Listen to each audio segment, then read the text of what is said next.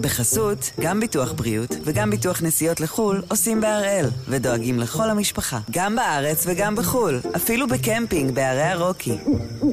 כן, גם שם, כפוף לתנאי הפוליסה וסייגיה ולהנחיות החיתום של החברה. היום יום שלישי, 20 ביולי, ואנחנו אחד ביום, מבית N12.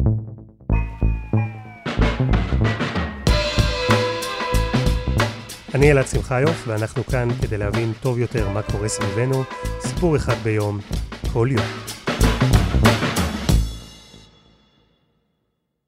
אני רוצה להגיד מילה על סטטיסטיקה.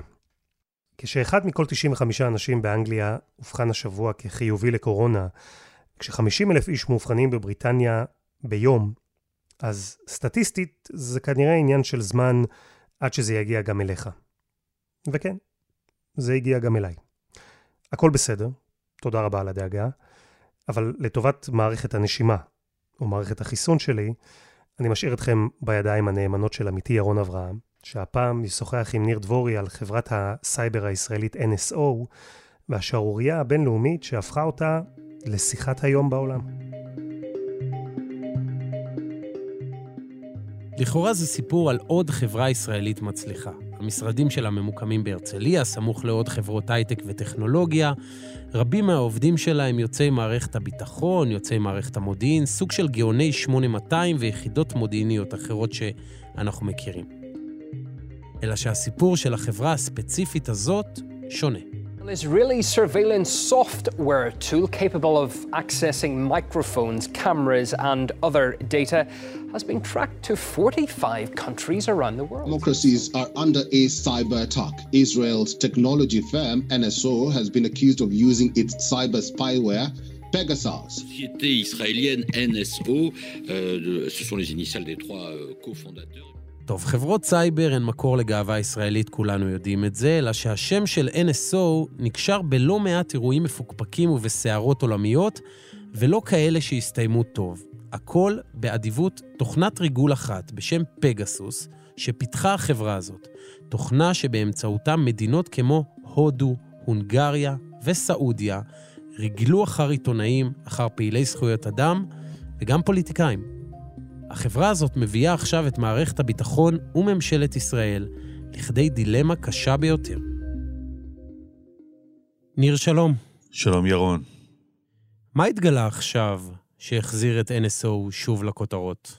יש כאן מחקר מאוד מקיף ששותפים לו הרבה גופי תקשורת מובילים בעולם, גרדיאן, וושינגטון פוסט, למונד, אבל עוד רבים אחרים, שבעצם מה שהם חושפים בעבודה עיתונאית אה, חובקת אה, מדינות, זה שחברת NSO, בעצם עם כלי התקיפת סייבר שיש לה, וזה רכיב שיודע לחדור לתוך טלפונים ניידים ולשאוב את המידע מהם, החברה הזו, לפי התחקיר או לפי הדוח שהם מוציאים, בעצם אה, אפשרה לממשלות ולמשטרים לחדור לטלפונים הניידים של כאלף פוליטיקאים, עיתונאים ופעילי זכויות אדם בכמעט 50 אה, מדינות, והמשטרים הללו יכלו בעצם לדעת על כל מה שמתחולל באותם טלפונים ניידים, עם מי הם דיברו, עם מי הם התכתבו, ומי הם המעגלים שאיתם הם עובדים, פועלים, אה, ובעצם נמצאים בקשר יומיומי. וזה שימש את אותם משטרים בחלק מהמקרים גם לאסור עיתונאים או פעילי זכויות אדם, ובהחלט להשפיע על הפוליטיקה הפנימית של אותן מדינות. בוא נחזור רגע אחורה. אה, אתה יודע, אה, זה עלה לכותרות, NSO, אבל אני חושב שרבים מהישראלים לא מכירים עדיין בכלל את החברה הזאת. אז ספר לי מה שאתה יודע על החברה, איך היא הוקמה, מתי, מי הקים אותה, לאיזו מטרה. החברה הזו בסוף אה, עומדת על הרגליים יותר מעשר שנים, ומי שאולי המעצב שלה זה שלו חוליו, שהוא גם הבעלים והמנכ"ל. ותחתיו הוא גייס קבוצה של מוחות מבריקים, רובם כמובן יוצאי אגף המודיעין בצה"ל, יחידה 8200. והם פיתחו אה, על בסיס יכולות שהם רכשו ב, בצבא, צריך לומר, ופיתחו גם שם דברים כנראה דומים. יכולת אה, תקיפה בסייבר, אנחנו תמיד מדברים על הגנה. הגנה בסייבר, איך אתה מגן על המערכות שלך, אבל כאן זה הכלי התוקף. הוא נקרא פגסוס, ואם אתה יום אחד מקבל וואטסאפ, תמים למדי, תאר לך שהוא מגיע, נגיד, ממנהלת בית הספר של הילדים שלך, ויש שם איזושהי אה, רשימה איזשהו טופס שאתה צריך לחתום עליו. אבל ברגע שעשית את זה, בעצם נדבקת, והטלפון הנייד שלך עכשיו הוא אה, חשוף לפוגען, לאותו פגסוס, שבעצם עכשיו שואב את כל המידע שיש לך בטלפון הנייד ומעביר אותו למי ששתה לך את אה, פגסוס בנייד. וככה זה עובד, כאילו תמים, ובאותו רגע אה, אתה חשוף. והאירוע הבולט שנקשר עם החברה הזאת הוא ההתנגשות בעיתונאי הסעודי ג'מאל חשוקג'י, אותו עיתונאי שנכנס לקונסוליה הסעודית באיסטנבול ונרצח בה. חשוקג'י היה אחד ממתנגדי המשטר הסעודי הבולטים, הוא ביקר בחריפות את יורש העצר, זה היה אירוע שהיכה גלים בעולם. איך השם של NSO השתרבב לפרשה הזאת? הטענה אה, שעלתה שכמה ימים לפני החיסול שלו, הסעודים חדרו לטלפון של ארוסתו באמצעות פגסוס. אגב, אה, אחר כך NSO אה, הוציאו הבהרה שהם לא היו קשורים לרצח עצמו, והם לא, והם כמובן מכחישים מעורבות והכול, אבל כנראה שלטלפון של ארוסתו חדרו באמצעות המערכת הזו. וזו בעיה גדולה מאוד. כי ישראל, באופן עקיף, כמדינה שמאשרת או לא מאשרת עסקאות ייצוא ביטחוניות כל כך רגישות, יכולה להיתפס כשותפה. זה בדיוק מה שקורה עכשיו בתקשורת העולמית. מייחסים את הדבר הזה לישראל, ולא לחברה פרטית ישראלית. וזה לא רק פרשת ההתנגשות בחשוקג'י, נכון? לאיזה עוד אירועים נקשרה הפעילות של NSO? למשל, שמדינה כמו ספרד, כמו טורקיה, סינגפור, ארמניה, אולי מרוקו, מקסיקו, הודו, בכל המקומות האלה יש פעילים שהם מתנגדי שלטון או משטר, יש עיתונאים שטענו שפרצו להם לטלפונים. ובהרבה מהמקומות האלה שתיארתי לך, אה, השתמשו בכלי הזה של פגסוס. וברוב המקומות הללו, לא ברובם, בכולם, העסקאות האלה אושרו על ידי אה, מדינת ישראל, על ידי משרד הביטחון. אבל בסוף מישהו שם בקצה, ב, אה, נגיד בשב"כ ההודי, עשה בזה שימוש אחר. עכשיו השאלה, אתה הולך וראש בראש עם ההודים? הם אמורים לקנות מהתעשייה האווירית אה, טילים אה, שנקראים ברק 8, שמגינים על ספינות במיליארד וחצי דולר. אז אתה הולך איתם ראש בראש או לא? משבש את הסיכוי לעסקה הזו של התעשייה האווירית או לא? דילמה. אז בעצם, אם אני מבין אותך נכון, זאת לא סתם חברה פרטית שבאה לעשות כסף, זו חברה שלחלוטין משפיעה על היחסים של ישראל בעולם, לכל הפחות על התדמית שלה בעולם. ואתה אומר שתוכנת הריגול הזאת לא פועלת מתחת לרדאר, כפי שאולי היינו מצפים. היא ממש קיבלה אישור ישראלי לפעול, אישור של מערכת הביטחון. מדינת ישראל בנתה אה, לפני כבר כמה שנים טובות מנגנון פיקוח על ייצוא ביטחוני. זה נקרא אפי, וזה אגף שלם שיושב במשרד הביטחון. אגב, יש בו גם נציגים ממשרד החוץ וגם ממשרד המשפטים. יש כאן רגישויות מאוד מאוד גבוהות. ולפי כל חוזה שאת, או מכרז שאתה מתמודד אל מול מדינה או גוף מדינתי, נגיד שב"כ של מדינה מסוימת, משרד הביטחון בודק ומחליט אם הוא מאשר לך לבצע את המכירה. ויש תנאים מאוד ברורים שגם הלקוח בקצה צריך להיות חתום עליהם. ואחד התנאים זה שהמערכת הזאת, ניתן למכור אותה רק לגופים מדינתיים שפועלים לסיכול טרור או פשיעה חמורה, ולא לשום דבר אחר. ורק אז אה, מאשרים את העסקה, ומשרד החוץ גם בודק את הרגישויות, אם זה מדינה שיש לה אה, למשל שלטון שמפר זכויות אדם, והוא יכול להטיל וטו על עסקה כזו, ועדיין, אנחנו רואים שבשורה של מדינות אה, התבצעו אה, אה, מכירה של הפגסוס הזה, קח למשל את אזרבייג'אן, או קח למשל את בחריין, או אולי איחוד האמירויות, ובכל המקומות הללו, המשטר רוצה לדעת, מעבר לזה שהוא מסכל טרור, כנראה גם על כל מיני גורמים שיכולים להפריע לאותו משטר, מתנגדי משטר. ואחת הבעיות, גם של משרד הביטחון וגם של NSO, שבזמן אמת, אם הלקוח בקצה מחליט לשנות את הייעוד ועכשיו שותל את זה בטלפון של עיתונאי מקומי, אתה לא תדע את זה.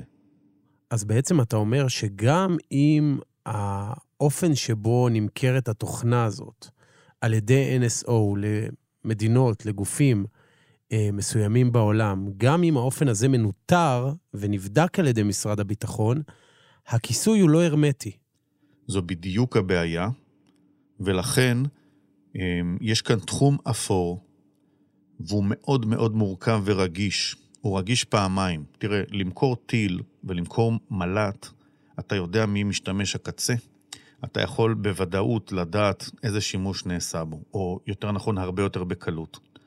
סייבר זה משהו אחר, זה איזה מין אזור דמדומים כזה, ויכול להיות שיש מקומות או נקודות שאתה מאבד שליטה, ואתה לא יודע עד הסוף. תראה, NSO בשנה וקצת האחרונות ביטלו חוזים עם חמש מדינות שעברו על תנאי המכרז.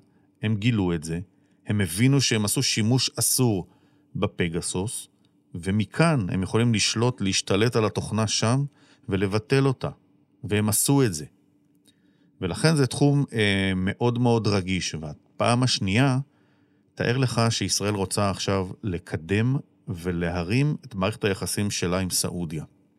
במסגרת היחסים הללו הם מבקשים את המערכת הזו. ואתה מתלבט, ובסוף אתה מחליט שאתה נותן להם, כי זה חלק מצעדים בוני אמון, והם צריכים את זה מאוד, ויכול להיות שלך זה יעזור בלונג רן בהיבטים אסטרטגיים סופר חשובים, ואתה נותן להם את זה, ועכשיו אתה מבין שהם השתמשו בזה כנגד עיתונאי שהם לא אוהבים.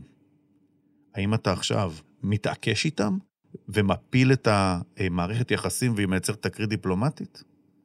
תגיד, ניר, אין פה סוג של היתממות, שהרי גם משרד הביטחון יודע שקשה לשלוט על הלקוח בקצה, כמו שאמרת, וגם אני מניח ש-NSO יודעת לאן זה מגיע בסוף, אבל האינטרס הכלכלי שלה הוא קצת לעצום עיניים.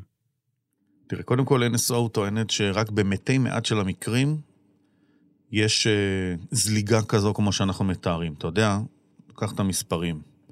50 אלף מספרי טלפון נייד שנחשפו בדוח הזה, שכאילו היו uh, תחת מעקב של פגסוס. אבל בסוף כשבודקים ובוחנים ומנתחים את כל מספרי הטלפון האלה, אתה יודע בכמה מהם בסוף נמצאו אה, ראיות פורנזיות לנוכחות של פגסוס בטלפונים? רק ב-12. ולכן הם אומרים כל הזמן שהסיפור פה הוא אה, חריגות בקצה. מצד שני, זו דילמה אמיתית שמונחת לפתחה של מדינת ישראל ושל משרד הביטחון. האם לאפשר את הדבר הזה? ולכן אמרתי לך שזה תחום אפור ותחום רגיש.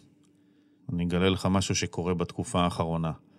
כדי לעקוף את המורכבות הזו של משרד הביטחון, יש כל מיני אה, חברות פרטיות, בינלאומיות, שפותחות משרדים, נגיד באיחוד האמירויות. מפתות בסכומי עתק, בוגרי 8200, הם הולכים לשם, הם יושבים שם, הם חיים וגרים שם, ומפתחים את הכלים האלה, אמנם עם הידע הצבאי שהם רכשו כאן, אבל ללא שום בקרה של מערכת ישראלית כלשהי, וגם הם יכולים למכור בכל העולם. ואז ידע ישראלי זולג למקומות אה, רעים, לא פחות. יש פה בוגרים של אה, מערכת צבאית שרכשו יכולות וידע בתחום, והם אחרי זה מנצלים וממנפים את זה בצד האזרחי. האם מותר להם להשתמש בטכנולוגיות האלה? האם מותר להם לפתח? והאם בכלל מותר להם למכור? ואותם חברים שיושבים עכשיו במדינות המפרץ ומפתחים כלי תקיפה בסייבר, שלמשרד הביטחון אין שום יכולת לשלוט עליהם, האם נכון אולי יום אחד לעצור את זה?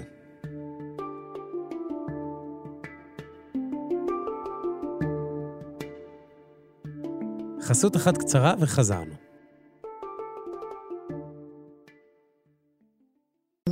בחסות, גם ביטוח בריאות וגם ביטוח נסיעות לחו"ל עושים בהראל, ודואגים לכל המשפחה, גם בארץ וגם בחו"ל, אפילו בקמפינג בערי הרוקי. כן, גם שם, כפוף לתנאי הפוליסה וסייגיה ולהנחיות החיתום של החברה. ניר, תראה, עד עכשיו דיברנו על הסוגיות שמעניינות אותך. אני רוצה לדבר על מה שמעניין אותי, קצת, ברשותך.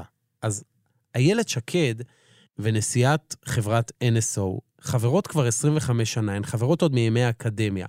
זה לא היה פרט יותר מדי מעניין, אבל אני זוכר שבמרץ בשנה שעברה פורסם שבנט, היום ראש הממשלה, מבקש להשתמש בטכנולוגיה של NSO כדי להילחם בנגיף הקורונה, בין היתר כדי לדעת אם אנשים אכן נמצאים בבידוד, אבל לא רק. כל אזרח ישראלי בכל נקודת זמן, יהיה לו ציון מ-1 עד 10, מה הסבירות שכרגע הוא מדבק. כלומר, אנחנו מתחברים לבדיקות, מתחברים לאיכון הסלולרי, ואנחנו נדע שיונית לוי כרגע היא 6, אבל מחר היא ביקרה באיזה מכולת אה, שהיו שם הדבקות, אז היא 9, ואז נשלח לה בדיקה. אה, הדבר הזה לא קיים... היה הרבה הרבה רעש סביב הנושא הזה. והרעש התקשורתי והעבודה שעשתה כאן התקשורת מנעה את הדבר הזה. ובסוף, כשאתה יודע לנטר טלפונים, ואתה יודע לנטר מידע מטלפונים, אתה יכול לעשות המון מיפויים של הרבה מאוד פרטי מידע, והרבה מאוד קשרים והקשרים, וזה חלק מיכולות של המערכת הזו. שאתה בונה את ה, מה שנקרא הרשתות, הרשתות החברתיות של האנשים, עם מי הם מדברים ועם מי הם נפגשים ובאיזה זמן ומה העיתוי ועוד הרבה דברים נוספים אחרים שאתה יכול לדלות מתוך זה שאתה יושב לאנשים על הטלפון. והלחץ התקשורתי כאן, הלחץ הציבורי כאן, עשה את פעולתו, וטוב שכך. דיברנו קודם על זה שאולי משרד הביטחון צריך עכשיו לכל הפחות להקפיא את הרישיונות של החברה עד שיתברר עד כמה התחקירים בעיתונות הבינלאומית נכונים. ובמקביל הזכרנו את נפתלי בנט ואת איילת שקד, שהיום הם גורמים בכירים בממשלה. אתה חושב שזה משפיע על מערך קבלת ההחלטות של הממשלה בנוגע ל-NSO? אני מאוד מקווה שזה לא משפיע, אבל אני לא יודע להגיד עד הסוף. אני גם חושב שזה צריך להיות בלתי תלוי. יש פה משרד ביטחון, יש פה אגף פיקוח על הייצוא, יש מנכ"ל למשרד הזה, יש שר למשרד הזה. יש כאן משמעויות כבדות, דיברנו עליהן, של יחסים בין מדינות ועניין אה, הפרת זכויות אדם. וישראל לא יכולה להיתפס בעולם כמישהי שמצפצפת על החוק. ו, ולכן ראוי ונכון שיבחנו את הדבר הזה בתוך משרד הביטחון. אני שומע שהולכים לבחון את זה. אני מקווה שגם יעשו את זה. ואם אנחנו חוזרים לדבר על השערורייה החדשה שפורסמה בשורה של כלי תקשורת בינלאומיים, NSO כבר מאיימת בתביעת דיבה. היא לא מתכוונת לשתוק על הפרסומים, במיוחד לא על האמירה שהיא יודעת נגד מי הלקוחות שלה עוקבים, או לצורך העניין, מרגלים. כן, זה נכון, מה שאני מבין גם שלחו כבר אה, מכתבים אה, מעורכי דין, ולפחות. אה, העורכת הראשית של הוושינגטון פוסט כבר עשתה איזה חצי צעד לאחור בעקבות זה כנראה. היא כבר מדברת על כך שהם לא יודעים אה, לקשור באופן אה, חד וברור או משמעי אה, בין הטלפונים הללו לבין זה שהם נפרצו על ידי פגסוס, המוצר הזה של NSO. נראה לי שיש פה איזו נסיגה מסוימת, אבל תראה, יכול להיות שבמקרה הזה לא יהיה יכולת להוכיח באופן חד-חד ערכי. אבל התדמית הישראלית, התדמית של NSO, ואגב, היא לא החברה היחידה, אתה יודע, בסוף שבוע הזה, מפרסם אה, אה, מכון מחקר בשם Citizen Lab, שהוא קנדי, שעוד חברה ישראלית שמייצרת מוצר מאוד מאוד דומה לפגסוס, קוראים לה קנדירו, אה, כלי תקיפה בסייבר, גם היא מכרה מוצרים לשורה של מדינות, וחלקן גם באירופה, אבל לא רק, והם פרצו לכמאה עיתונאים לטלפונים. אז הם ניסו להשחיר פה, אה, ואולי בצדק, לא יודע, זה בבדיקה עכשיו, גם חברה ישראלית נוספת שיש לה מוצרים דומים. אז אה, יש פה משהו שהוא רחב יותר, אולי הולכים על התחום הזה ב- בישראל, אולי מישהו הולך על הראש של החברות הישראליות עכשיו. אה, יהיה מעניין לעקוב בעניין הזה, לראות איך הדברים הללו באמת מתפתחים. ניר, תודה רבה. תודה ירון, ונאחל בריאות גם לאלעד שלנו, בלונדון. תודה רבה לדבורי, ותודה רבה לירון אברהם, וזה היה אחד ביום, של N12. העורך שלנו הוא רום אטיק, בצוות עדי חצרוני ודני נודלמן, על הסאונד יאיר בשן, שגם יצר את מוזיקת הפתיחה שלנו, ואני אלעד שמחיוף, ובדרך זו או אחרת, אנחנו נשתמע כאן גם מחר.